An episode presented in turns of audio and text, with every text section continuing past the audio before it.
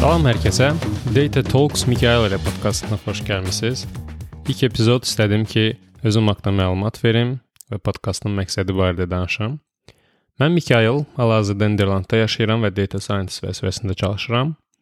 Bakalavr təhsilim Bakı Dövlət Universitetinin Tətbiqi Riyaziyyat fakültəsində olub. Sonra isə İngiltərənin Nottingham şəhərinin eyni adlı universitetində magistr pilləsinə yiyələnmişəm. Proqramın computer science olmasına baxmayaraq, bir neçə data sahəsində modullar da mövcud idi. Həmin dövrdə data science haqqında təsəvvürüm belə yox idi. Hər halda o qədər də məşğulluq qazanmamışdı bu sahə. Söhbət 2015-ci ildən gedir. Lakin bu modullarda riyaziyyat fənninin önəmi və tətbiqi riyaziyyat təhsilimi nəzərə alıb bir neçə bu tip modullar götürmək qərarına gəldim. Machine Learning modulu var idi, Data Analysis and Modeling, eyni zamanda Operations Research fənni. Kifayət qədər bir-birinə yaxın mövzular idi. Təbii ki, bu sahəyə marağım dərhal yarandı. Seçdiyim modulları çox bəyəndim.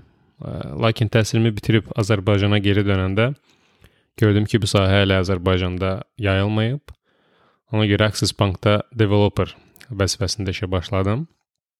Data sahəsinə marağım hələ də davam edirdi və mütəmadi olaraq biliklərimi artırmağa çalışırdım.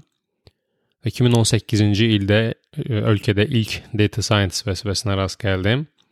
Paşa Banka keçid etdim və beləliklə data karyerama start verildi. Data komandası quruldu, sayımız artdı və bank üçün, daha dəqiq desə, risk management departamenti üçün konsultant şirkətlərlə birlikdə statistik modellər quruldu. Mənim üçün çox maraqlı keçən bir ilin sonunda karyeramı Qərbi Avropa ölkələrinin birində davam etdirmək qərarına gəldim. Magistr pilləsinə İngiltərədə gələndən sonra əslində heç qalmaq istəməmişdim e, ölkədə.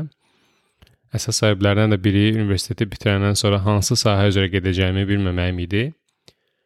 E, əmin deyildim o vaxt, lakin müəyyən təcrübəyə sahiblənəndən sonra qərar verdim ki, data sahəsində inkişaf eləmək istəyirəm data bol olan bir ölkəyə keçid etmək istəyirəm. 2019-cu ildə Niderlanda köçdüm və ölkənin və Avropanın aparıcı banklarından biri olan ING bankda işə başladım. 4 ildə ölkədəyəm və bu və bu bankdayam. İlk 2 ilimdə çirkli pulların yuyulması departamentində tranzaksiya analizləri ilə məşğul idim. Son 2 ildə isə daşınmaz əmlaka sərmayələr departamentində yenə də Credit Risk Data Scientist olaraq çalışıram. Haqqımda məlumat bu qədər. Ə, niyə podkast kanalı açmağa qərar verdim? Ə, əvvəla ilə Niderlanda köçəndən bəri mütəmadi olaraq podkastlara qulaq asıram.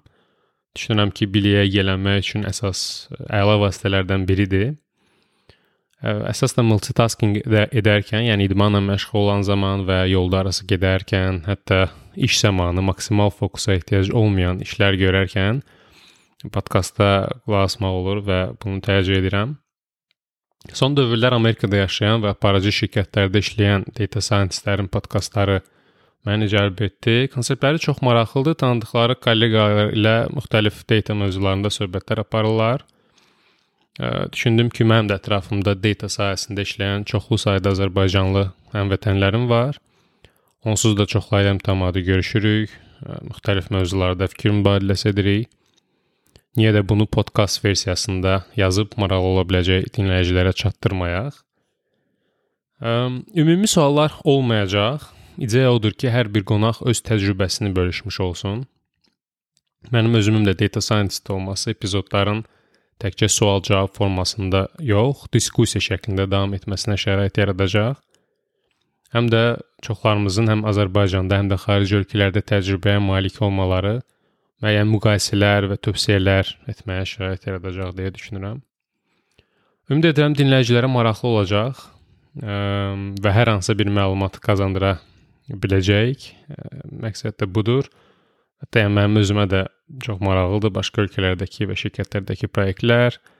Həmvətənlərimiz nə işlə məşğuldur, AI sahəsində hansı yeniliklər mövcuddur və s.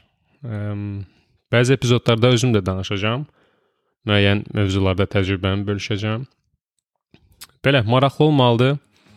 İzləyin, növbəti epizodlarda görüşənədək.